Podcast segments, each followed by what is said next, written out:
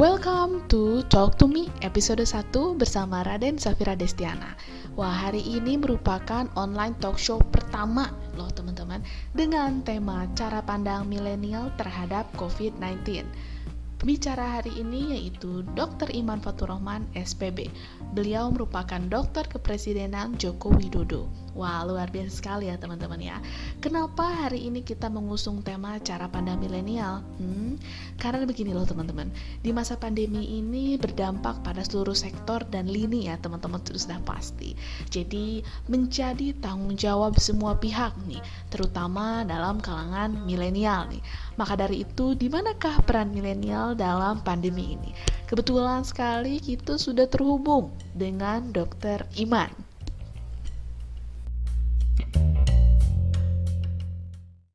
Oke, Assalamualaikum warahmatullahi wabarakatuh buat teman-teman ataupun siapa pun yang lagi melihat ini ya. Tapi sebelum ini acaranya pas TTM ya? Talk to me. Iya, betul, TTM, Talk to oh. me. Oh, dulu TTM itu beda artinya dulu teman tapi mesra. Oh, Kalau sekarang Waduh. sekarang juga teman tapi milenial. Nah, yang Waduh, bener-bener. Kalau saya Manula kali ya.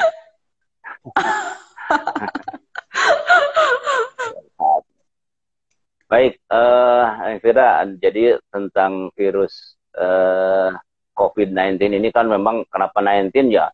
Karena dulunya 19, harusnya udah ganti ya. Udah jadi 20 ya. Semoga beres ya Om tahun ini. 2020 ya sekarang udah 2021 lah ya. Jadi sudah lintas iya, tahun. Betul betul betul. Ya, sebenarnya betul, COVID betul. harus sudah berhenti harusnya tidak tidak punya izin edar lagi itu kan edar iya, 19 iya. harusnya. Ya. Oh, mm -hmm, betul betul. Bandel, ya.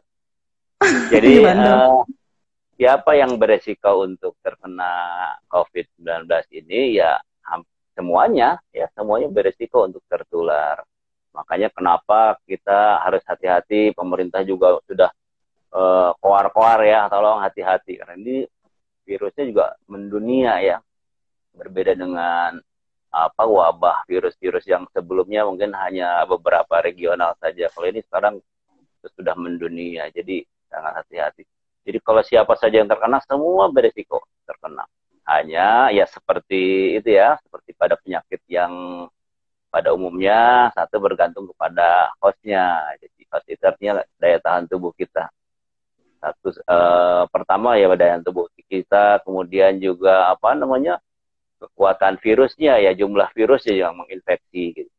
Tapi intinya adalah ada yang disebut dengan port de entry, jadi tempat masuknya eh, penyakit itu masuk ke dalam tubuh kita itu jelas. Gitu. Nah virus eh, COVID-19 ini ya areanya dari hidung dan mulut ya. Nah, kita ketahui hmm. banyak sekali penyakit, ada yang lewat pencernaan, ada yang hmm. lewat darah gitu ya, ada lewat lain-lain. Nah ini yang menjadi hmm. beratnya itu adalah lewat pernapasan.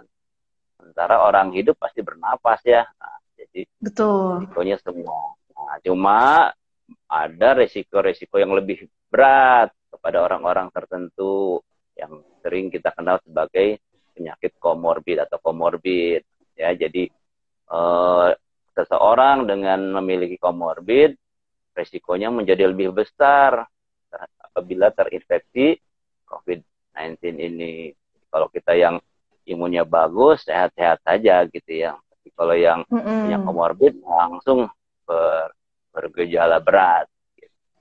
nah tetapi yang berbahaya itu justru yang kita kenal selama ini sebagai OTG itu orang tanpa gejala hmm. itu. Jadi, nah ini salah satu peranan milenial juga nih. Kan milenial tuh artinya usianya masih sangat muda ya, gitu ya. Pasti daya tahan tubuhnya bagus. Apalagi hmm. beberapa milenial yang hobi olahraga, daya tahan tubuh bagus. Nah, pada saat itu dia memang tidak terkena virus ya tidak termaaf tidak tidak berpenyakit dengan virus tersebut tapi tanpa disadari virusnya sendiri ada dalam tubuhnya gitu Wah. Wow. kalau dia itu kan yang bahayakan ya jalan-jalan dia masih jadi kalau milenial abai oh itu sangat sangat membahayakan untuk lingkungan terutama pada orang-orang yang berisiko itu sendiri. Jadi intinya uh, hmm, virus betul, ini betul. bisa mengena semua orang ya, cuma berisiko betul. pada orang-orang nah, dengan tingkat. Terlihatnya sinyal ya Om ya, apalah. Oh gitu. Betul betul. Yang apa udah udah ya? udah lewat. nah, oke oke okay, Terus gimana lagi? Hmm. hmm. Kita lihat ya teman-teman bahwa resiko uh, terkena COVID itu hampir ke semua kalangan ya. Jadi teman-teman tuh harus hati-hati ya. Jadi kalau nggak penting-penting amat di rumah aja lah ya. Kita hashtag di rumah aja gitu ya. Nah, gimana sih Om? Apa kunci dalam upaya pencegahan pemutusan penularan COVID-19? Itu seperti apa ya. sih kuncinya sih? dalam menyikapi penyakit uh, secara medis memang pada umumnya satu orang melihat bagaimana gejalanya, bagaimana apa untuk penegakan diagnosanya ya, penegakan diagnosisnya, kemudian apa uh, terapinya. Tapi itu boleh dibilang uh, itu ranah medis gitu ya. Tapi ada yang semua orang berperan yaitu dalam dalam hal pencegahan pencegahan uh, dalam hal ini memutus rantai, nah, memutus rantai penularan. Gitu. Kita tidak bisa menghindari virus itu ada di sekeliling kita, sulit sekali. Gitu. Terus bagaimana lagi yang yang kita bisa lakukan adalah pencegahan atau pemutusan putus uh, penularannya, rantai penularannya. Itu hmm. salah satu kunci gitu ya. Nah, pencegahannya banyak banyak faktor ya banyak banyak banyak hal yang bisa kita lakukan untuk pencegahan. Banyaklah sudah kita sudah baca ya ada ya, meningkatkan daya tahan tubuh kita gitu ya kemudian uh, ber, tetap pola hidup sehat ya dan asalnya uh, kemudian pola uh, itu yang 3M itu selalu menggunakan masker mencuci tangan mencuci sering tangan. mungkin dengan sabun atau dengan hand sanitizer dan menjaga jarak. Tentu semuanya ada hmm. pertimbangan, tentu ada pertimbangan untuk mencegah itu ya. Menggunakan masker itu karena tadi kita sudah bahas bahwa port entry atau jalur masuknya virus itu ya lewat saluran nafas, hidung dan mulut. Jadi hmm. itu kita tutup.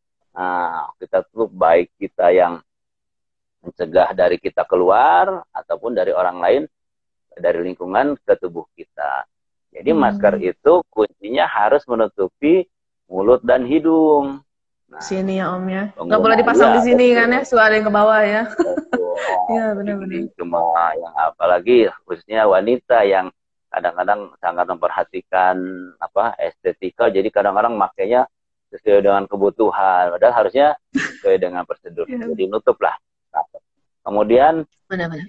tidak bercelah juga gitu ya maskernya tidak boleh bercelah antara oke assalamualaikum warahmatullahi wabarakatuh buat teman-teman ataupun siapa pun yang lagi melihat ini ya. Tapi sebelum ini acaranya pas TTM ya?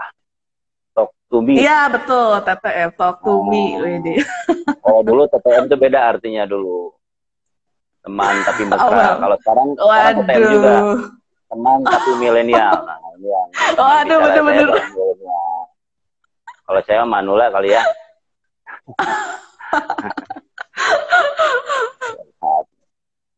Baik, uh, Fira, jadi tentang virus uh, eh, COVID-19 ini kan memang kenapa 19 ya?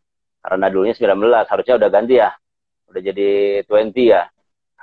semoga beres ya Om tahun ini. 2020, ya sekarang udah 21 lah ya.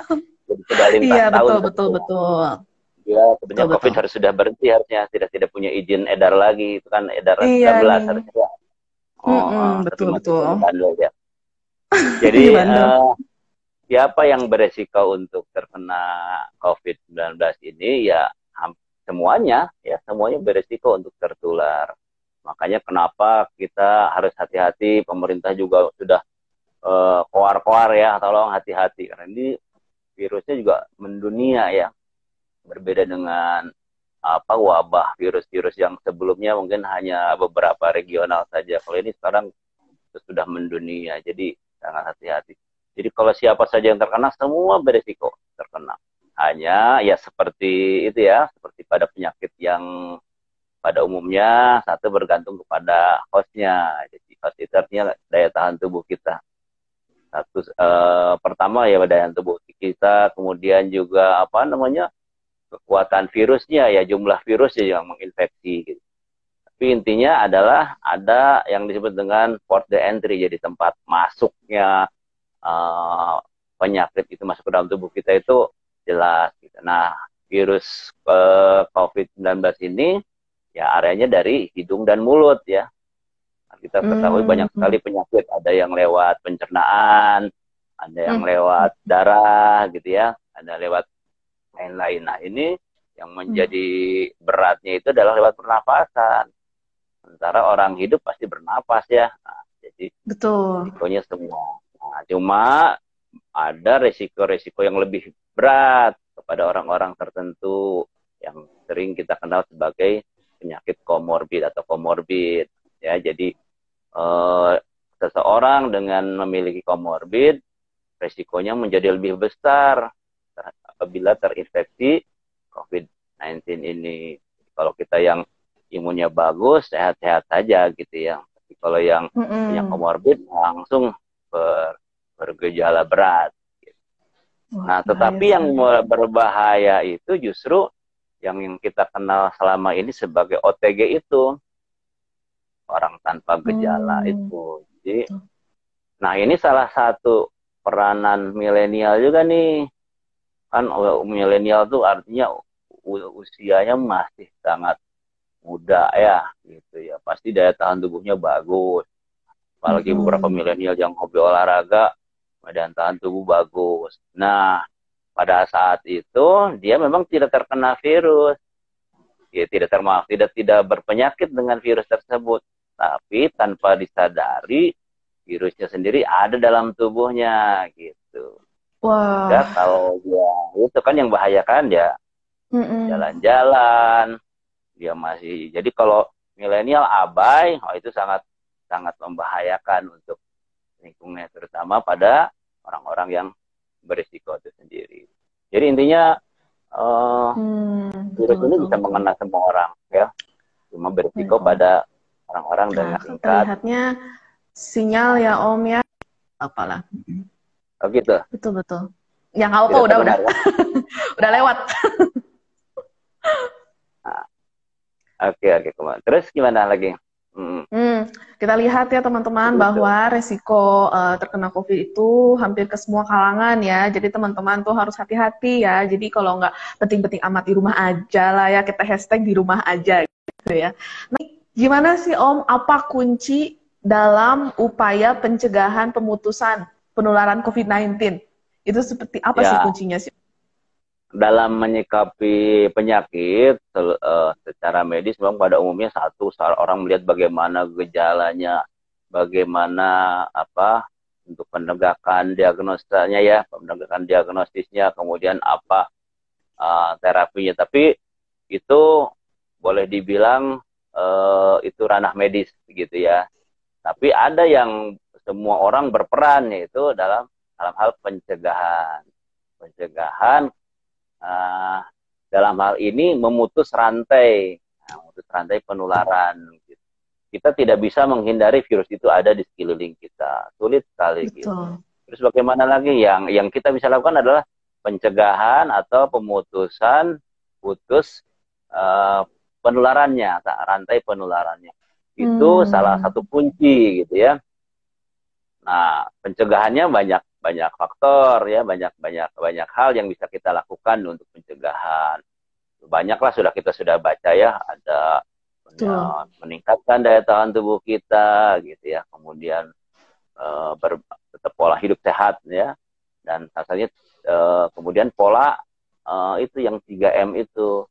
Selalu menggunakan masker mencuci tangan mencuci sering tangan. mungkin dengan sabun atau dengan hand sanitizer dan menjaga jarak. Tentu semuanya ada hmm. pertimbangan, tentu ada pertimbangan untuk mencegah itu ya. Menggunakan masker itu karena tadi kita sudah bahas bahwa port entry atau jalur masuknya virus itu ya lewat saluran nafas, hidung dan mulut. Jadi hmm. itu kita tutup. Nah, kita tutup baik kita yang mencegah dari kita keluar ataupun dari orang lain dari lingkungan ke tubuh kita Jadi hmm. masker itu kuncinya harus menutupi mulut dan hidung. Nah, sini ya Om ya. Nggak boleh dipasang ya, di sini betul. kan ya, suara yang ke bawah ya. Iya benar-benar. Cuma yang apalagi khususnya wanita yang kadang-kadang sangat memperhatikan apa estetika, jadi kadang-kadang makainya sesuai dengan kebutuhan. Padahal harusnya sesuai dengan prosedur. yeah. Jadi nutup Kemudian benar-benar tidak bercelah juga gitu ya maskernya tidak boleh bercelah antara pipi dengan maskernya sendiri sehingga rapat sekali demikian juga oh. dagu gitu. beberapa yeah. apa eh, beberapa tulisan menyebutkan bahwa salah satu uh, resiko penularan juga adalah ketika kita menggunakan masker tidak rapat gitu ya kurang rapat hmm, masuk ya ke sela-selanya bagian orang yang punya punya janggut gitu ya nah itu jam jam mm -hmm. lah atau ibu longgar nah, longgar gitu mm -hmm. kemudian juga uh, penggunaan face shield nah karena beberapa oh, yeah. uh, beberapa referensi menuliskan bahwa bisa menginfeksi lewat mukosa mata juga gitu ya jadi penggunaan mm -hmm. Google atau Google itu jadi lebih lebih habis aman lagi itu meningkat tetapi mm -hmm. sering uh, orang salah kaprah juga gitu ya. Ya merasa sudah pakai face shield tidak menggunakan masker juga gitu. Itu masih kurang mm -hmm. aman betul betul betul. Banyak sih ya. pakai masker mm -hmm. ya kemudian pakai kacamata daripada pakai face shield tidak pakai masker. Karena yeah. face shield yang itu celahnya masih banyak bisa dari bawah dari atas itu masih masih bisa resiko untuk mas ya itu ada betul, jadi betul, betul. Uh, pertimbangannya itu itu kenapa port entry. Yang kedua, kenapa cuci tangan? Karena tangan kita menjadi media peralihan peralihan virus itu sendiri. Virus. Betul. Makanya di teh apa etika batuk bersin di kita menggunakan lengan gitu ya apa menggunakan sikut kenapa sih menggunakan orang orang bertanya begini kenapa sikut ya orang kan sikut jarang dicuci. Iya mm -hmm. tapi jarang dicuci tapi jarang juga bersentuhan. Masa ada orang buka pintu pakai sikut gitu kan? Nggak mungkin ya. Ya benar Jadi orang buka pakai tangan gitu ya. Betul. kemudian eh, uh, kemudian ya terutama pintu ya. Orang jadi pintu. Hmm. kita membuka pintu uh, sebelum kita ya sebelum kita pegang ya pak sebelumnya tuh yang pegang pintu tuh kan kita nggak tahu hmm. uh, jadi semua itu banyak udah hasil penelitian para ahli lah ya untuk bagaimana uh, kenapa itu dicegah. Jadi uh, penularannya banyak ya memang lewat tangan, maksudnya menularkan virus, kan virus uh, penularannya banyak. Diduga lewat hmm. airborne bisa juga. Kemudian hmm. lewat uh, droplet ya. Droplet itu artinya percikan dari mulut lah ya, dari atau dari saluran nafas. Hmm. Nah, jadi hal-hal yang begitu yang harus kita hindari. Si droplet itu mungkin orang seseorang sudah baru batuk atau baru uh, ini kemudian megang pintu. Nah, setelah itu kita berikutnya. Nah, itulah sebabnya kenapa kita dianjurkan selalu cuci tangan. Alhamdulillah sekarang sudah rasanya fasilitas cuci tangan, hand sanitizer itu sudah sangat me, apa? Sudah banyak sekali ya, masalahnya sudah masif lah ya, sudah tidak so. perlu diragukan.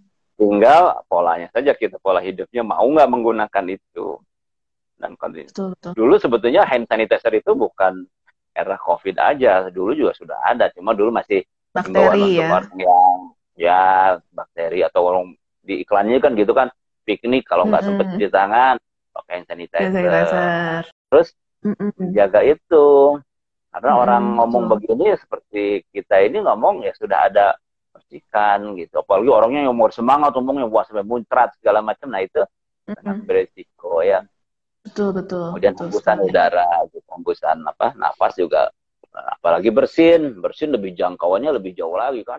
Nah kemudian di samping itu, nah sekarang kalau kita flashback ya ke belakang waktu awal-awal COVID itu mulai muncul, orang sangat takut sekali kan gitu.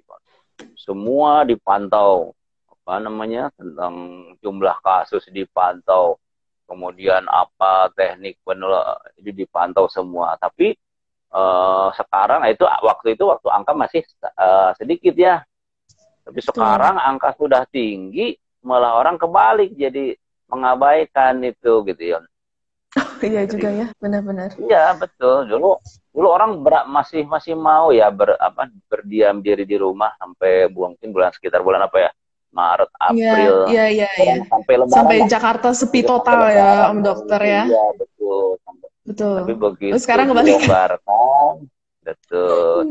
Memang betul sih pemerintah tetap berada berada di dua dua sisi ya karena ekonomi harus bangkit juga gitu kan Betul. kesehatan pulih ekonomi bangkit itu kita harus sadari itu karena kita kalau misalnya lockdown negara lain yang menerapkan lockdown memang perlu effort yang sangat besar gitu. Nah sehingga Betul ya apa namanya PSBB ataupun apa yang sekarang sedang itu adalah itu sebuah win-win solution ya jadi gimana kita tetap eh, apa ekonomi tetap berjalan tapi kesehatan tetap terjaga yaitu asal menerapkan protokol kesehatan itu Mm-mm. Cuma ya itu kendalanya begitu saat eh, sesuatu mulai hoaxnya kan mulai juga hoaxnya mulai juga kan Iya, semua di Om Dokter. di ya, betul Iya, iya. Jadi kalau sekarang sih, kalau dulu kan begini, oh, awal-awal memang tidak salah sih, memang tidak awal. Ketika orang sakit baru pakai masker gitu ya. Nah dulu orang masker hanya untuk orang yang sakit. Waktu awal-awal begitu karena kita memang terkendala keterbatasan masker. Kalau sekarang eh, mungkin pakai istilahnya gini, bila perlu banget lepas masker gitu, atau istilahnya lapar bang, lapar bang. Bila perlu banget lepas masker. Kalau nggak perlu, kalau nggak ada perlu banget pakai masker itu. Jadi kalau bisa masker itu melekat gitu ya. Untuk sekarang ya, Betul. era sekarang Iya, masker itu sudah lama kata biasa kak jadi jadikan itu sebuah tren baru gitu. Makanya saya senang lihat orang betul, betul. mulai memodifikasi. Kalau kita lihat di pasar online, ya, di, itu masker itu beragam sekali gitu. Dan saya Mm-mm. mencoba banyak membeli juga. Iya, benar. sama Ini bagus-bagus ya. Abi ini Hmm. beli beli masker terus. Nah, saya mencoba dengan berbagai jenis masker. Oh, jadi kalau kiriman paket di pos tuh paket lagi, paket lagi isinya masker, lagi, Masker, masker lagi. betul. Selain Iya, ya, iya. selain menambah stok, kita juga mencoba masker mana sih yang lebih Paling nyaman optimal gitu ya. ya, betul. Udah murah. Lebih ini ya, murah Om sih, dokternya ya? ya. Masker medis ya yang paling aman ya? Atau boleh Jadi masker kain? ada ada ada banyak pertimbangan sebetulnya ya. Dulu awal-awal kita eh, hanya orang sakit yang menggunakan masker medis. Jadi masker medis itu sebetulnya memang di, di dirancang dulu adalah mencegah droplet dari dalam keluar.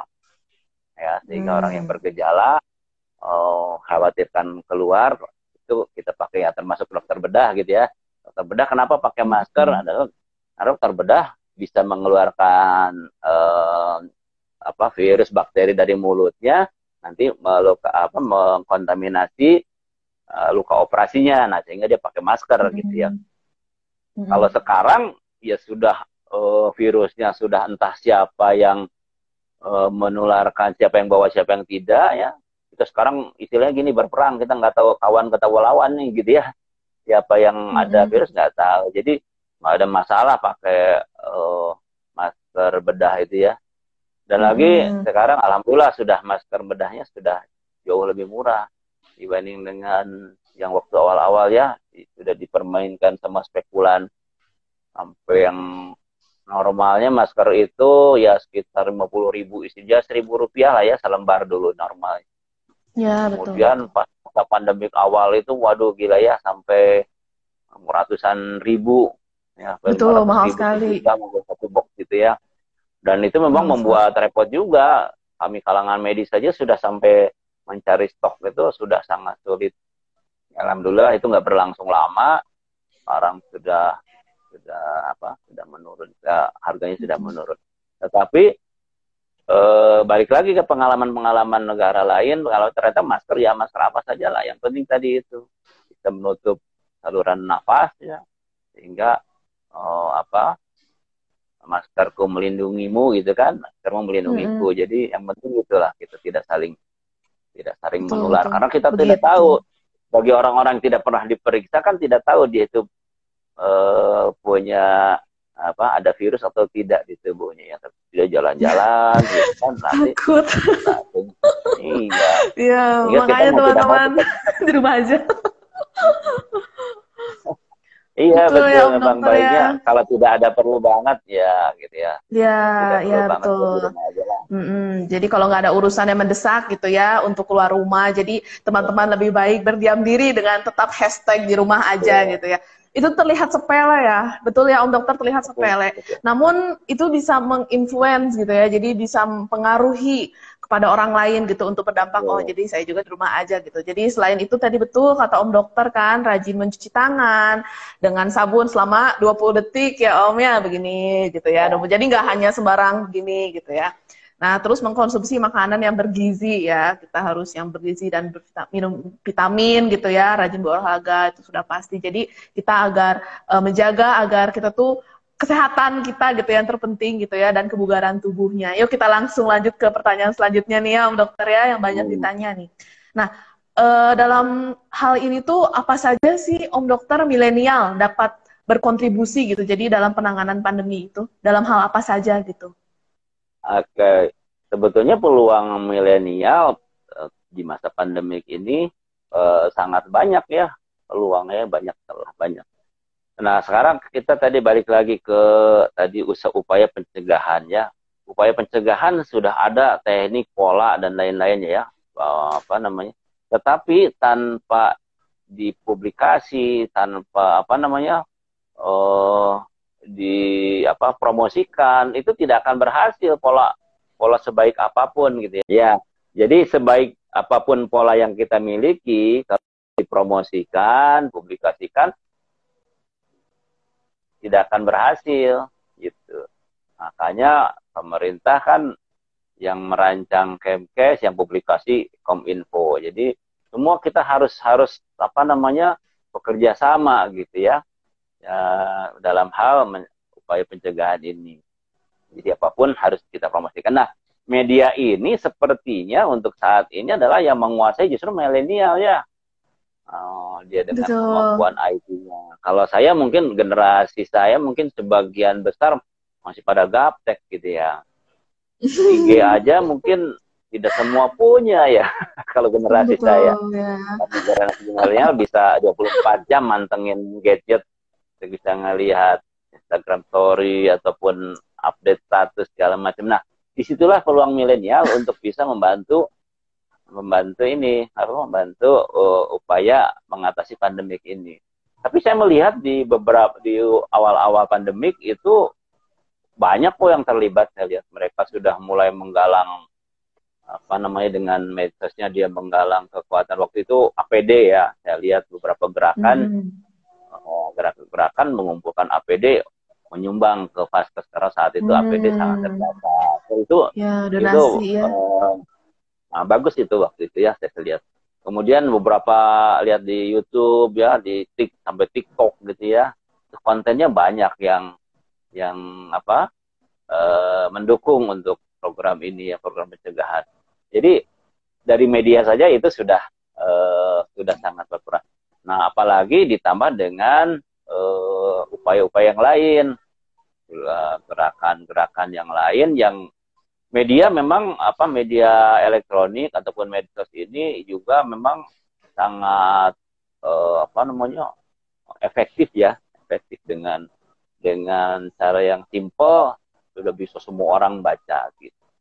Tapi media-media uh, konvensional juga tidak tidak apa jangan dilupakan juga. Itu masih cukup efektif juga karena di beberapa di beberapa area atau di beberapa pihak dia masih belum menggunakan uh, media itu. Contohnya ya banyak uh, apa namanya sektor-sektor atau pihak-pihak tertentu yang belum paham dengan pandemik ini dengan wabah uh, COVID-19 ini. Nah itu tapi dia mereka tidak menggunakan media sosial. Jadi mau tidak mau penyuluhan ataupun door to kasarnya door to door itu tetap harus berjalan gitu ya. Gerakan maupun hmm, memang betul. gerakan kalau dulu kan uh, apa namanya uh, penyuluhan kumpulin. Nah, kasih ceramah. Nah sekarang kan ngumpulinnya itu yang jadi masalah kan tidak bisa kita mengumpulkan orang dalam apa dalam kondisi seperti ini malah menjadi penularan terjadi mau tidak mau harus aktif yang kita yang bergerak aktif membagi masker uh, ya dan sebagainya. Banyak lah saya rasa uh, uh, apa generasi milenial itu punya kreasi yang sudah di luar ekspektasi ya pasti banyak ya. Kreativitasnya ya. tinggi ya, Om Dokter ya, tinggi, betul, teman-teman. Nah, ya teman-teman harus tahu nih ya, para milenial hmm. gitu ya. Betul. Karena ya saya rasa, oh apa, tidak perlu diajarin lah ya untuk kreasinya mereka pasti sudah sudah lebih paham, sudah lebih ini. Update, update sendiri apa informasi yang berjalan seperti ini. Karena kalau kalau tidak mengupdate, bagaimana kita mau mengcounter Oh, jangan kalah update lah sama orang-orang yang bikin hoax itu ya. Apa harapan terhadap milenial gini Om untuk di masa pandemi ini? Kita kasih harapan itu harapannya apa gitu ya Om ya? Harapannya ya mungkin uh, tetap berperan aktif ya. Jadi milenial baik secara individu, artinya secara perorangan ataupun berkelompok gitu ya itu harus menjadi ya boleh dibilang uh, agen perubahan gitu ya agen perubahan. Oh, jadi secara individualnya tertanam dalam dirinya bahwa dia harus update dengan informasi harus mendukung. Kasarnya beginilah kalau misalkan untuk yang lain mungkin kita bisa berdebat berdebat berdebat gitu ya tapi kalau hal-hal tertentu ya harus juga kita sami wa atona gitu ini dikasih tahu begini ya udahlah patuhilah gitu jangan semua didebat pemerintah menerapkan PSBB di debat ini gitu kan hmm, padahal ya. kita juga menentukan uh, pemerintah pasti menentukan PSBB itu sudah sangat banyak pertimbangan ya dari berbagai Betul. kajian ilmu kemudian Betul orang sekali. menyarankan Betul. ini di debat juga gitu. Nah jadi milenial yeah, ada sudah iya kan? Uh, terus uh, apa namanya? Ya soal contohnya begitu. Jadi jangan urus gimana dong? Kita kan pengen nongkrong juga gitu kan. Itu kan juga salah satu dorongan-dorongan yang membuat yang kontraproduktif. Makanya secara individual mm. uh, milenial udahlah tanamkan dalam dirinya. Kita harus menjadi bermanfaat produktif dan mendukung semua program-program yang yang bisa mengurangi atau memutus rantai uh, penularan COVID. Betul, ya. ya kalau berkelompok apalagi gitu kan dengan kekuatan-kekuatan berkelompok kita bisa memanfaatkan itu dengan lebih banyak yang tadi yang saya sebut itu. Jadi eh, dengan media, dengan apa pun dia bisa memaksimalkan potensi-potensi yang ada untuk untuk bisa eh, membantu pencegahan penularan COVID. Jadi artinya Betul. Carilah peluang lah, carilah peluang, eh, gunakan manfaat dan gunakan potensi untuk manfaat peluang itu. Saya rasa bisa lah ya. Jadi oh, ya kita yang yang program apa pun ya tetap berharap. Karena usia produktif usia milenial sekarang sudah oh, sudah cukup banyak ya. Jadi jumlahnya hmm. juga mungkin kalau secara statistik. Nah jadi potensi itulah yang harus dimanfaatkan oleh oleh para milenial betul sekali ya. ya Iya betul. Jadi generasi milenial itu memiliki fungsi loh teman-teman semuanya ya. Bisa sebagai agent of change ya. Terus sudah gitu ada lagi istilah lainnya yang kayak moral force, terus ada social control. Jadi benar-benar kita tuh megang peranan penting gitu ya. Kenapa disebut agent of change gitu ya? Jadi kita disebut agen perubahan gitu ya. Karena hal terpentingnya itu dibutuhkan saat ini gitu. Jadi sebagai pemicu uh, terjadinya sebuah perubahan di kaum milenial gitu maupun kaum lainnya gitu ya kaum. Ya seperti misalnya di kalang, kalangan remaja gitu ya kalangan anak-anak orang lagi itu. harus milenial harus ini juga harus apa namanya adaptif ya adaptif. Jadi begitu ada perubahan situasi ini ya udah dia dia mengikuti menyesuaikan dan juga fleksibel. Jadi eh, saya saya suka begitu begitu melihat ketika orang wajib pakai masker masker orang bosan dengan masker itu dibuatlah didesainlah masker-masker uh, yang unik gitu ya sehingga mm -hmm. orang nyaman nah itu kan yeah. salah satu salah satu peluang untuk milenial juga dan itu saya rasa juga pelakunya milenial juga kan jadi ada apa masker yang di print print gitu ya yang sesuai mm, dengan wajah yang lucu-lucu gitu ya orang. Membuat orang menjadi lebih cakep dibanding buka masker yeah. gitu kan ya. Iya, yeah. itu juga membantu saya loh Om Dokter. Saya kalau pakai masker oh. cantik loh. Jadi itu bagus. Padahal saya nggak bedakan, nggak belum mandi gitu. Dan lagi bermanfaat katanya untuk orang-orang yang apa yang giginya ompong itu masker menolong sekali. saya nggak ngomong loh, tapi, tapi benar juga. Kebalikannya, tapi kebalikannya ada juga orang yang membuat masker dengan printnya malah tampak seperti gigi ompong ya malah terbalik di, di print ya om ya. Tapi apa pun itu ya itu memang kan masker se, se, se apa pun bentuk maskernya tetap uh, bermanfaat gitu ya dibanding dengan tidak pakai masker. Tapi jangan lupa juga masker itu kalau masker yang medis ya harus diganti kalau masker kain ya dicuci jangan mm -mm. minggu itu terus gitu ya. Ya betul. Ya, benar. Jadi tetap Om dokter ini tadi ada yang komen nih. Sekarang kita kan masuk ke Q&A aja Om ya, karena waktu kita bentar lagi selesai. Itu saya nih, dan saya lihat. Nggak apa-apa, saya udah tulis kok. Ini udah dibaca. Oh, ya. Ini Bacain ada ya. salah satu penanya. Jauh loh Om, ini yang nanya tuh ada lokasinya di Belanda Om. Waduh. Oh. Ya Om ya, ini nyampe ke Belanda. Apa yang dimaksud dengan virus varian? Oh mungkin maksudnya varian baru kali ya Om. Tahu. Langsung tanyakan saja ke Dokter Iman. Boleh Dokter? Oh, ya ya. Jenis. Jadi di apa tuh namanya? Uh, virus itu punya punya karakter, punya komponen-komponen yang bisa berubah, istilahnya bermu, bermutasi. Nah, jadi di virus itu sendiri banyak banyak jenisnya ya, kita tahu lah ya banyak sekali jenisnya. Dan trennya bermutasi. Nah, salah satunya yaitu tadi yang kemarin ada uh, isu di Inggris berubah juga jadi jenis varian baru. Tapi sebetulnya dia hanya berubah sifatnya. Jadi sifatnya yang bermudah menular atau lebih gampang nempel gitu itu dalam hal tersebut. Tapi sampai saat ini menurut uh, beberapa referensi ya untuk gejalanya tidak tidak mengubah uh, tingkat gejalanya sama saja gitu. Tapi hanya sifat hmm. penularannya saja yang yang menjadi lebih cepat menular atau lebih mudah Aduh. nempel gitu. Jadi kewaspadaan kita harus lebih tinggi ya gitu. Karena mau tidak ya. mau begitu lebih mudah nempel kan jadi lebih mudah menular. Gitu. Mm -mm. Itu mungkin. Ya benar. Betul. Siap. Terima kasih Om Iman. Begitu tante saya, tante saya, tante Opi tadi tante saya nanya jauh-jauh dari Belanda. Om, keren ya Om ya ikut live talk show iya. malam ini gitu ya. Di sana ya. masih sore, di siang. Begitu ya Tante Opi udah dijawab sama Dokter Iman.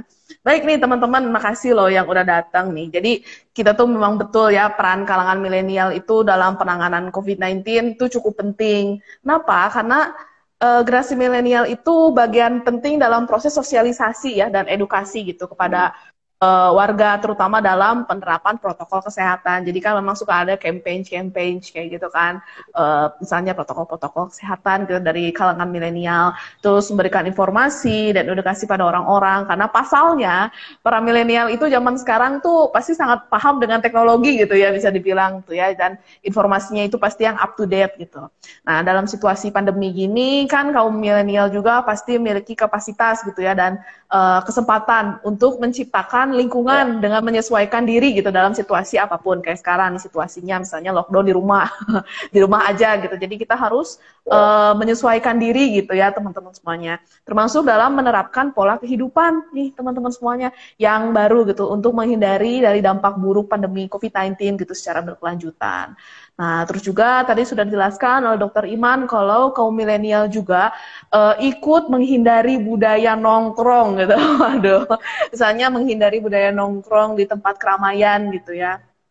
Terus harus menjaga jarak dan tidak melakukan kontak fisik terhadap uh, misalnya ketemu sama orang gitu ya. Kan kita tidak tahu atau berkenalan jabat tangan kan. Ini juga kita tidak tahu ya tangan kita bersih atau tidak seperti itu. Baik jadi gini ya uh, intinya teman-teman harus jaga kesehatan. Ya. Kita tutup dengan sebuah pantun ya Om Dokter ya. Okay. Yang pertama, alien yang pertama ngomong cakep gitu ya. Nanti alinea kedua ngomong asik gitu ya Om Dokter ya. Siap? Ya. Siap. Siap. Masak air biar mateng. Cakep. Cakep. Sambil nunggu makan roti. Asik gitu dokter. talk show hari ini sama Dokter Iman yang ganteng. Waduh, semoga ilmunya berkenan di hati. Waduh. Semoga ilmunya bermanfaat ya teman-teman semuanya. Amin, amin. Om Dokter, terima kasih banyak ya Om Dokter atas uh, bantuannya ya sudah menjadi sumber. Jadi menyampaikan tuh menyampaikan aspirasi dan ya, inspirasi. Ya, Amin, ya. betul. Sehat-sehat untuk Om Dokter dan keluarga. Terima kasih. Masih buat teman-teman ya. semuanya ya. Selamat malam. Ya,